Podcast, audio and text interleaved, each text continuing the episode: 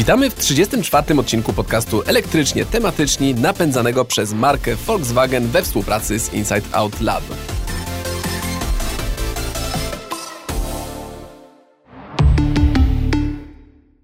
Podcast prowadzą dla Was Kasia Frendl z motokaina.pl i Paweł Pilarczyk z IT Business. Paweł, zacznijmy dziś od y, postawienia śmiałej tezy, że samochody elektryczne psują się mniej.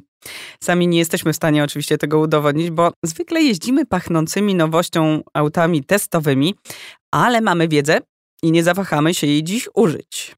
Dokładnie tak. I o tym dzisiaj będziemy rozmawiać, ale o serwisowaniu elektryków będziemy także dyskutować z naszym gościem. Witamy pana Jakuba Pilcha-Pilchowicza, koordynatora zespołu Elektryka Infotainment BEV i opiekuna produktu w Volkswagenie. Dzień dobry, panie Jakubie. Dzień dobry, bardzo dziękuję za zaproszenie. Dzień dobry, panie Jakubie. W mediach raz na jakiś czas widzimy przeróżne testy samochodów elektrycznych. My również je przeprowadzamy, ale no jednak na samochodach nowych.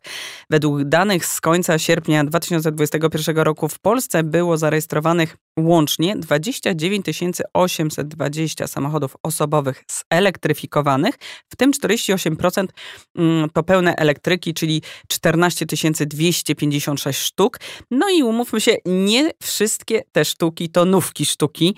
Wiele z tych samochodów y, z napędem elektrycznym zostało kupionych kilka lat temu i ku zaskoczeniu sceptyków elektromobilności nadal jeżdżą. To jak to jest z tymi elektrykami? Czy rzeczywiście psują się mniej? Moja praktyka pokazuje to, że dokładnie tak jest. E, to w dużej mierze wynika z różnic w koncepcji, w budowie układu e, napędowego silnika spalinowego i silnika bezemisyjnego. No właśnie, co mamy w dieslach, a czego nie ma, czy w benzyniakach, a czego nie ma w autach elektrycznych? Przede wszystkim w silniku spalinowym mamy tak naprawdę bardzo dużo elementów ruchomych, takich jak e, układ rozrządu, układ tłokowo-korbowy. Te praca tych elementów e, powoduje tarcie, wibracje, hałas. E, jeśli jest tam tarcie, to powstaje także ciepło. Do tych elementów należy dostarczyć olej do ich nasmarowania oraz to ciepło od nich odebrać.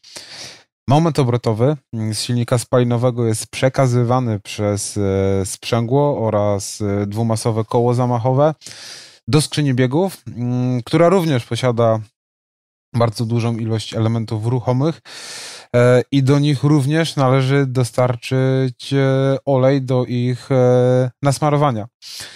W obecnie produkowanych silnikach spalinowych wymagany jest również bardzo zaawansowany system zasilania paliwem, oraz powietrzem. Silniki spalinowe e, są to silniki emisyjne, zatem e, muszą spełnić e, bardzo rygorystyczne normy emisji spalin, a jest to proces, który wymaga zaawansowanej filtracji. I może dla ciekawostki powiem, w obecnie produkowanych silnikach spalinowych spotkamy nawet do 20 różnych czujników w układzie wydechowym. E, silniki spalinowe mm, posiadają także osprzęt w postaci alternatora, turbosprężarki, e, rozrusznika, pompy paliwa, bo są to elementy niezbędne do, do pracy takiego silnika.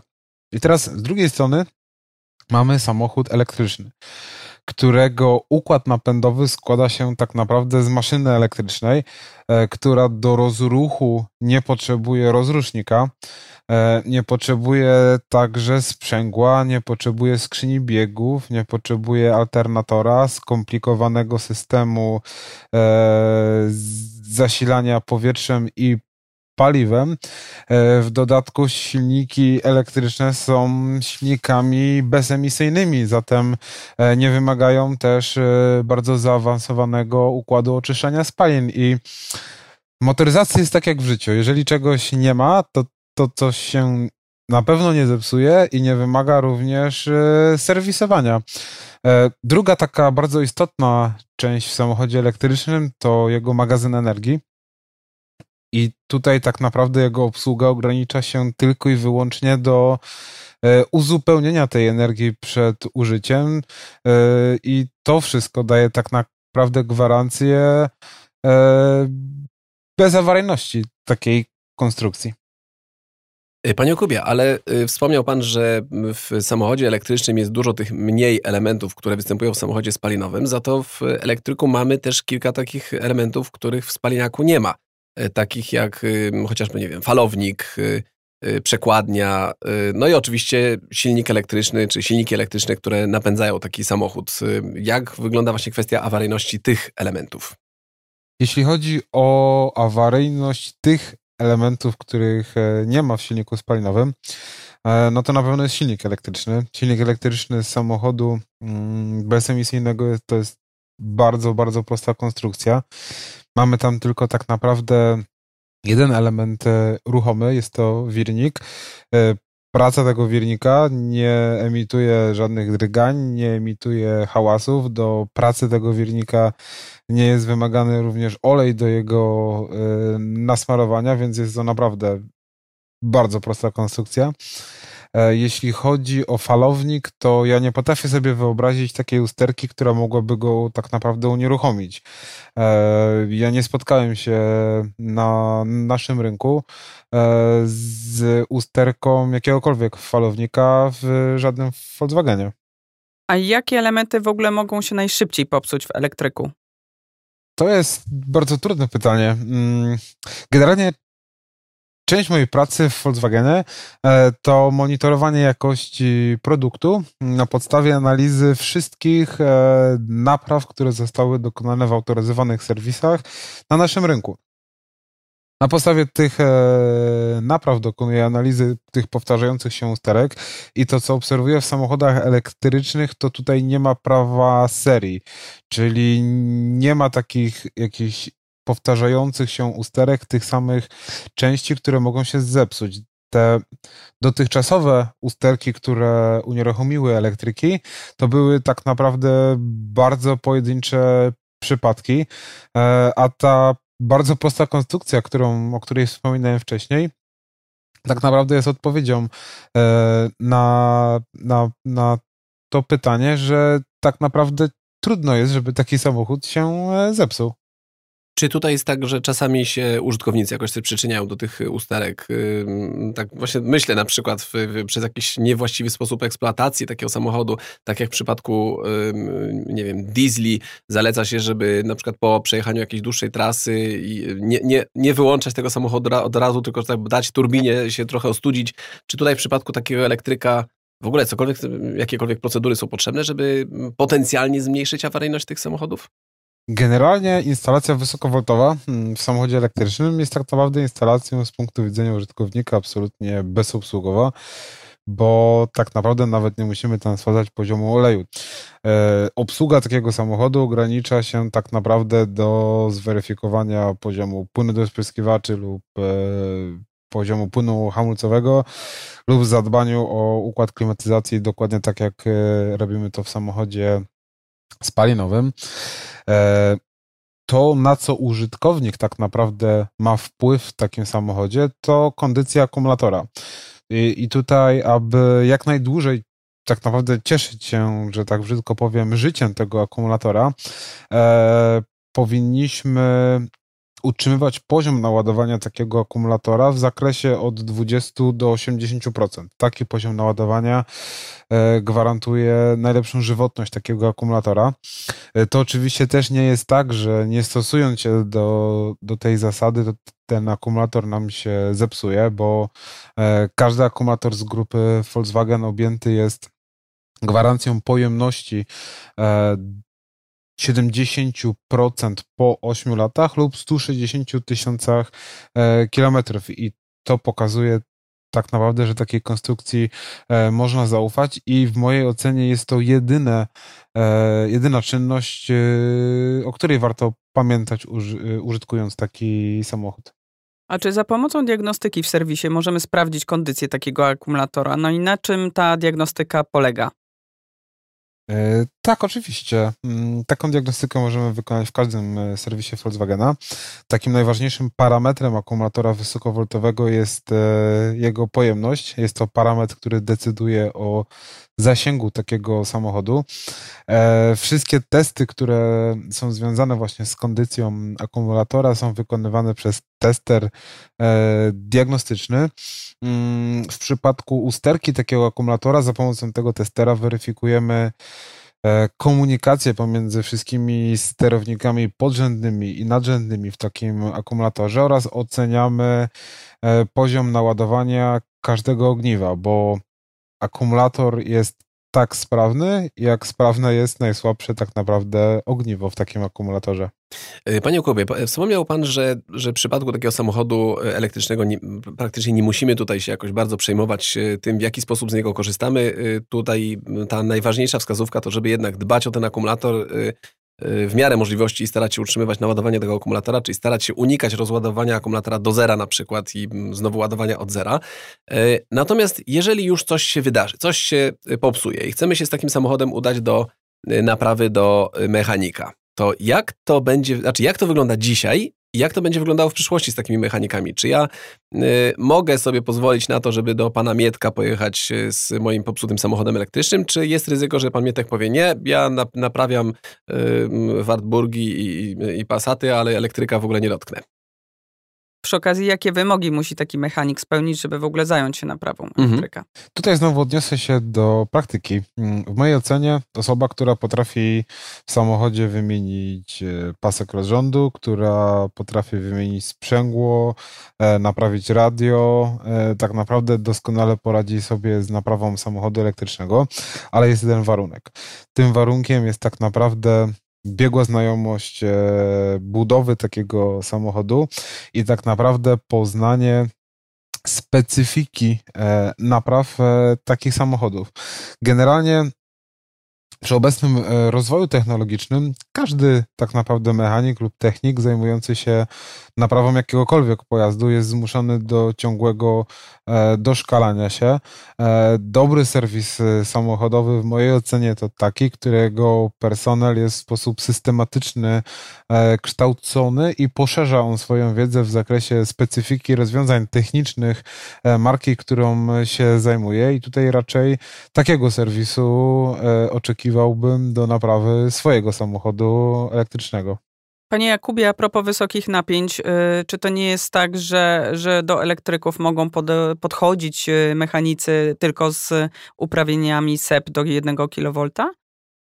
To wszystko tak naprawdę zależy od zakresu naprawy, jaki chcemy wykonać. E, taka najlepsza koncepcja szkoleń, z jaką ja się dotychczas spotkałem, to wprowadzenie trzech stopni e, specjalności. E, pierwszy stopień to tak naprawdę takie podstawowe szkolenie dla każdej osoby, która pracuje w, w warsztacie.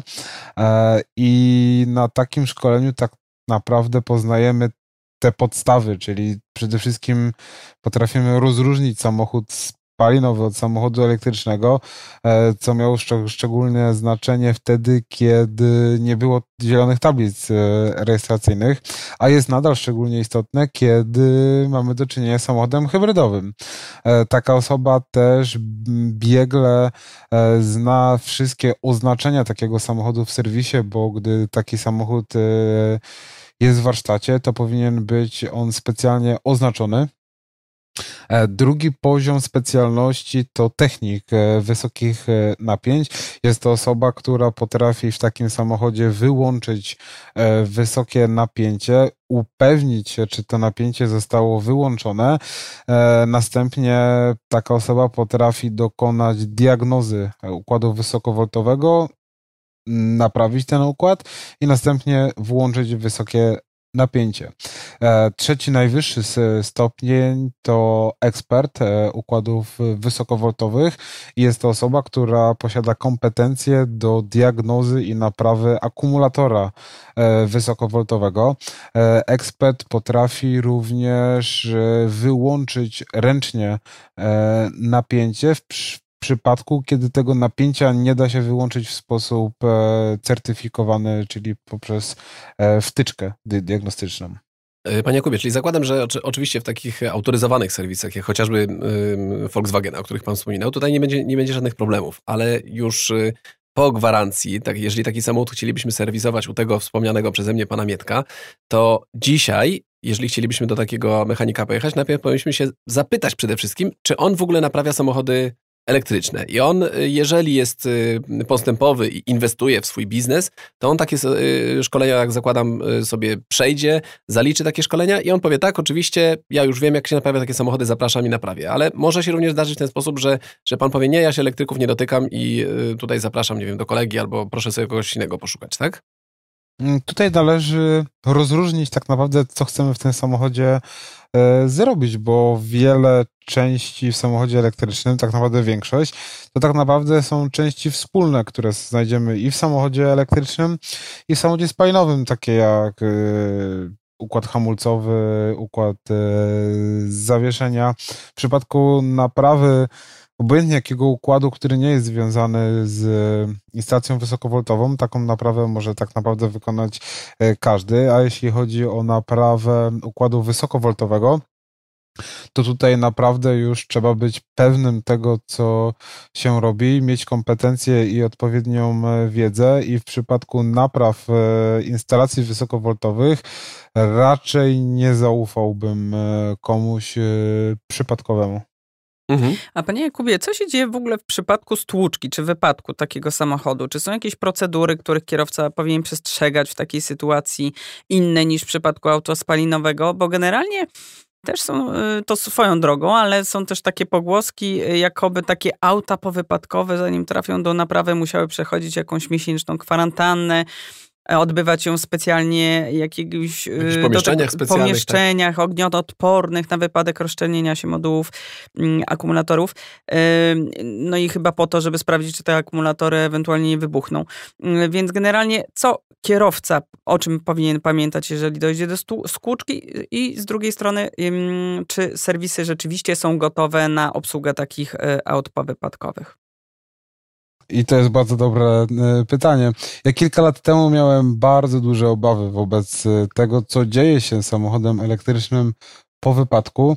E, uważałem, że prawdopodobieństwo porażenia prądem przez taki samochód lub to, że on, nie wiem, wybuchnie albo się zapali po wy wypadku jest e, bardzo duże.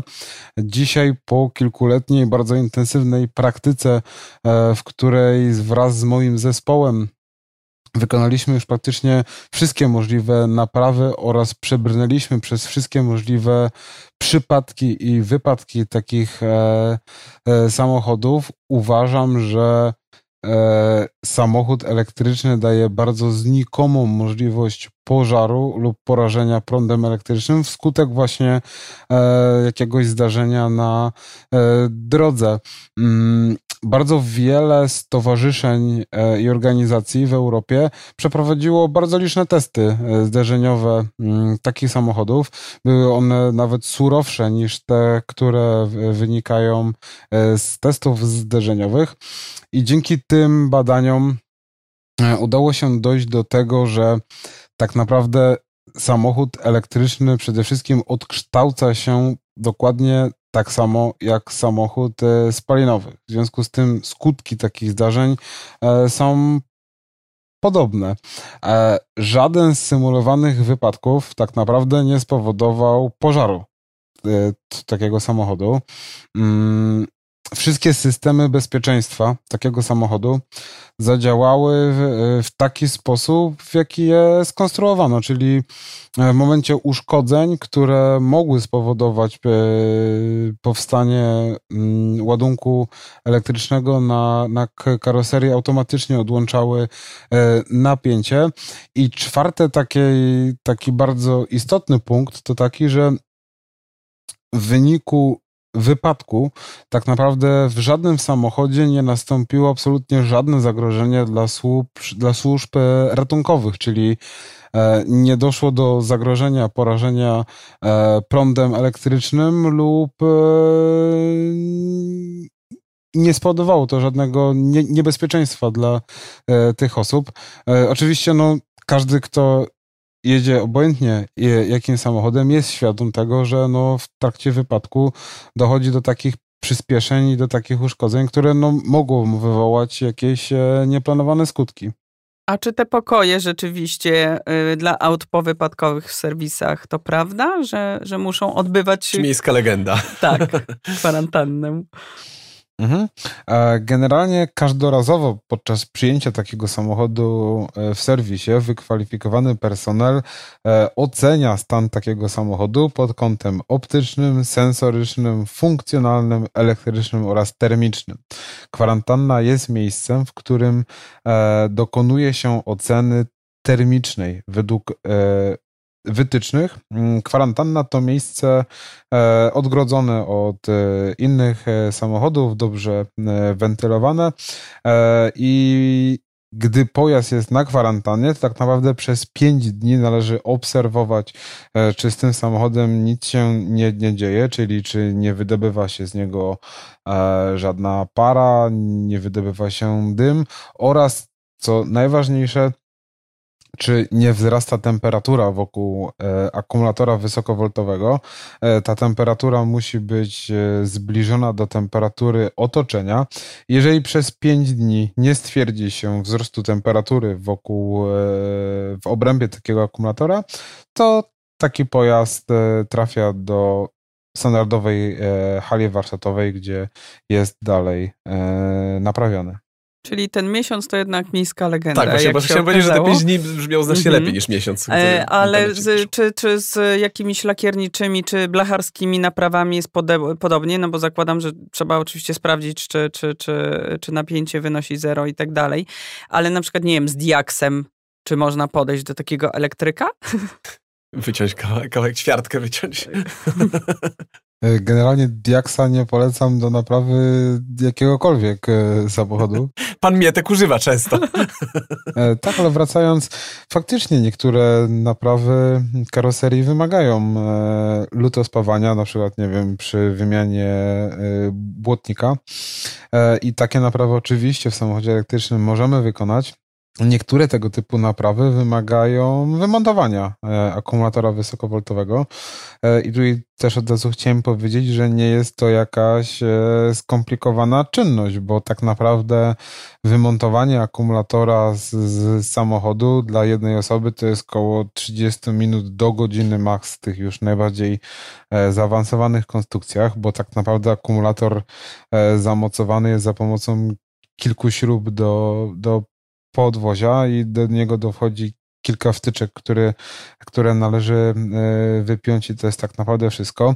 I teraz porównując e, technologię wymontowania akumulatora, a wymontowania zbiornika paliwa, który też często przy tego typu naprawach e, należy wymontować, to, to jest to jakieś, nie wiem, 10% z zakresu czynności, jakie tak naprawdę należy wykonać. O, to odpowiedział od razu Pan na nasze, nasze jedno z naszych pytań, właśnie jak wygląda wymiana takiego akumulatora. E, ale jeżeli e, następuje jakaś degradacja takiego akumulatora i chcielibyśmy ten akumulator trochę ożywić, czy my musimy wówczas cały taki akumulator wymieniać, czy możemy wymieniać pojedyncze cele, czyli pojedyncze te bateryjki, które są w środku tej obudowy? Nie, nie musimy zaraz od razu wymieniać całego akumulatora. E, taki akumulator mm, można e, naprawić w zależności od tego, e, który tak naprawdę moduł, które tak naprawdę ogniwo, tak naprawdę psuje nam cały akumulator.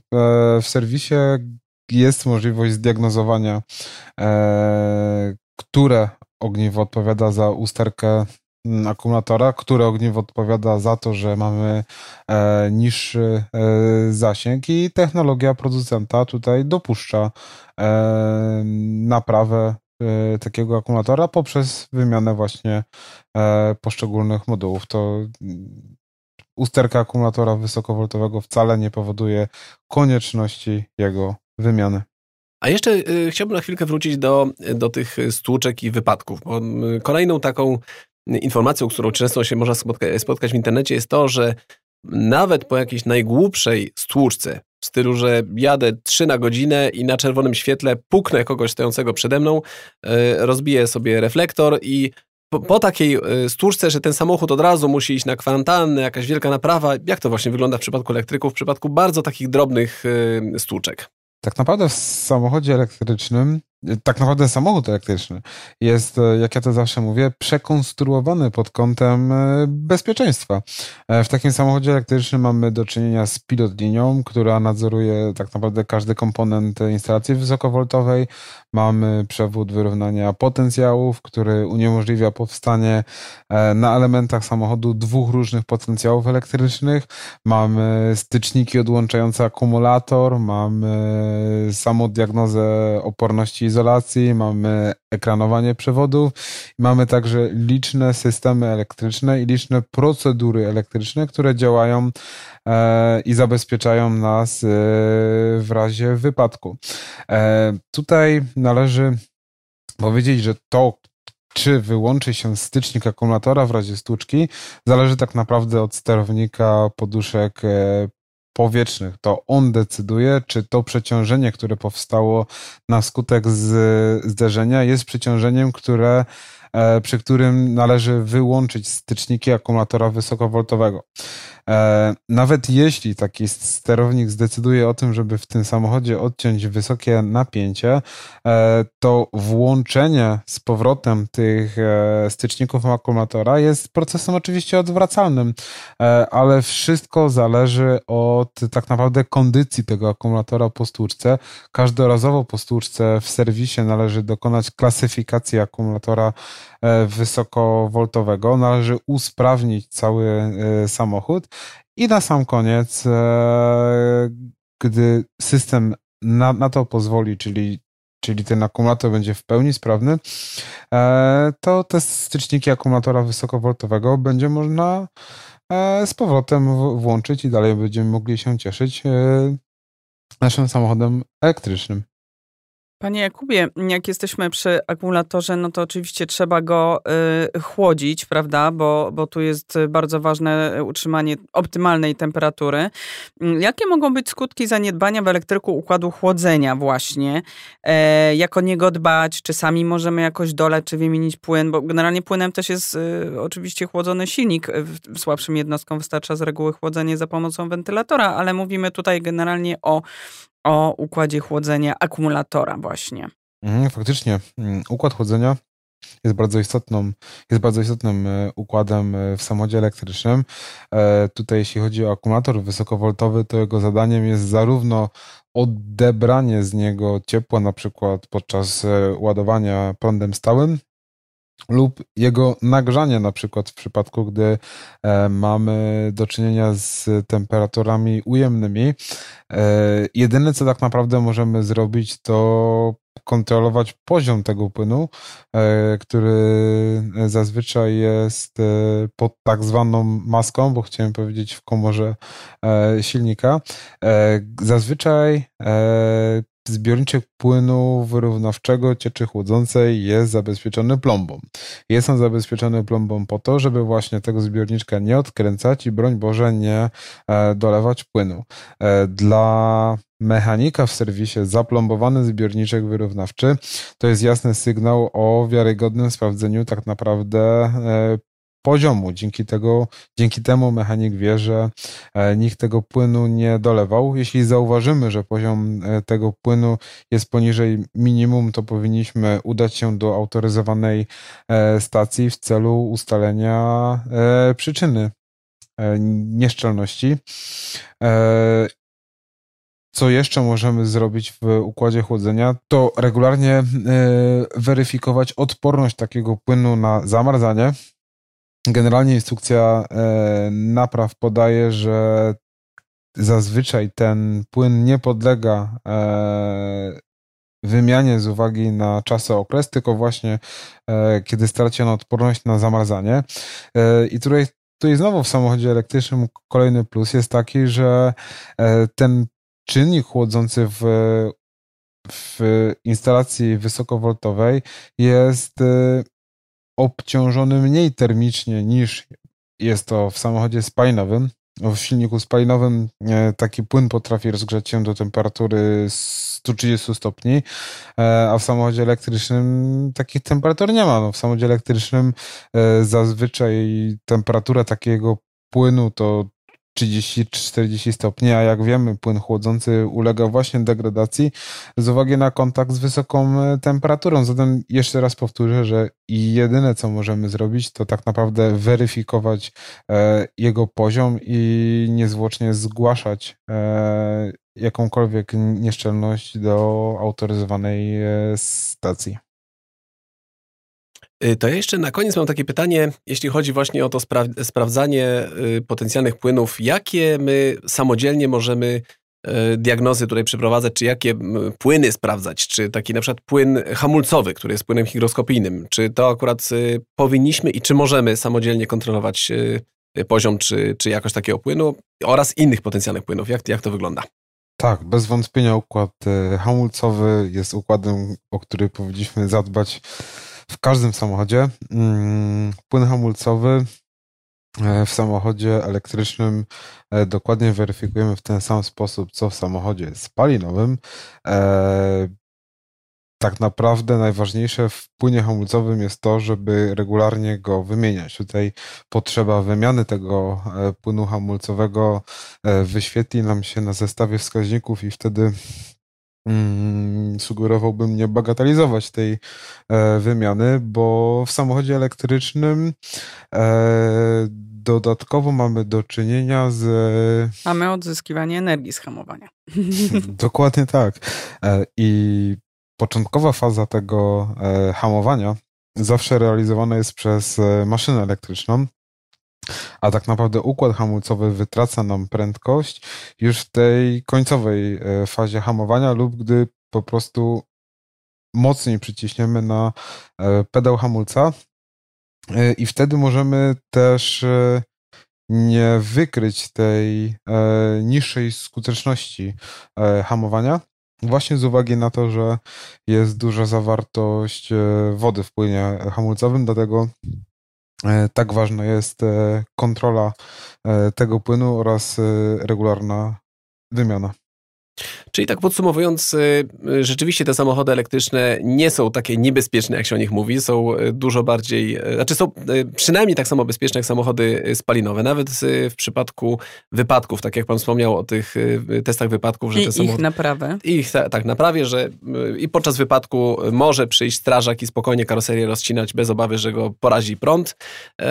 Natomiast w przypadku awarii tego samochodu jednak przynajmniej na chwilę obecną jeszcze musimy trochę tych serwisów y, poszukać, bo nie każdy poradzi sobie z taką naprawą, chyba że wymieniamy po prostu y, opony na, na zimowe albo, y, nie wiem, wahacze, no to, to z tym akurat sobie poradzi rzeczywiście ten mój pan Mietek. Panie Jakubie, bardzo dziękujemy za przyjęcie zaproszenia do naszego podcastu. E, ja również dziękuję i bardzo się cieszę, że mogłem się podzielić swoim e, doświadczeniem. A Wam, drodzy słuchacze, dziękujemy za wysłuchanie dzisiejszego odcinka elektrycznie tematycznych. Mamy nadzieję, że dzisiejsza rozmowa była dla Was ciekawa i wyjaśniła przynajmniej część Waszych wątpliwości dotyczących serwisowania samochodów elektrycznych. Przypominamy, że nasz podcast napędza marka Volkswagen we współpracy z Inside Out Lab. Zachęcamy do komentowania tego odcinka podcastu i innych starszych naszych rozmów z ciekawymi gośćmi. Można też do nas wysyłać wiadomości, do czego zachęcamy. Nasz mail znajdziecie w opisie tego podcastu. Czekamy na Wasze propozycje kolejnych tematów do omówienia. Jeśli jeszcze nie subskrybujecie elektrycznie tematycznych, koniecznie to zróbcie. A jeśli wysoko oceniacie nasz podcast, będzie nam bardzo miło jak powiecie o nas choć jednemu znajomemu. A tymczasem dziękujemy za wspólnie spędzony czas i do usłyszenia. Do usłyszenia.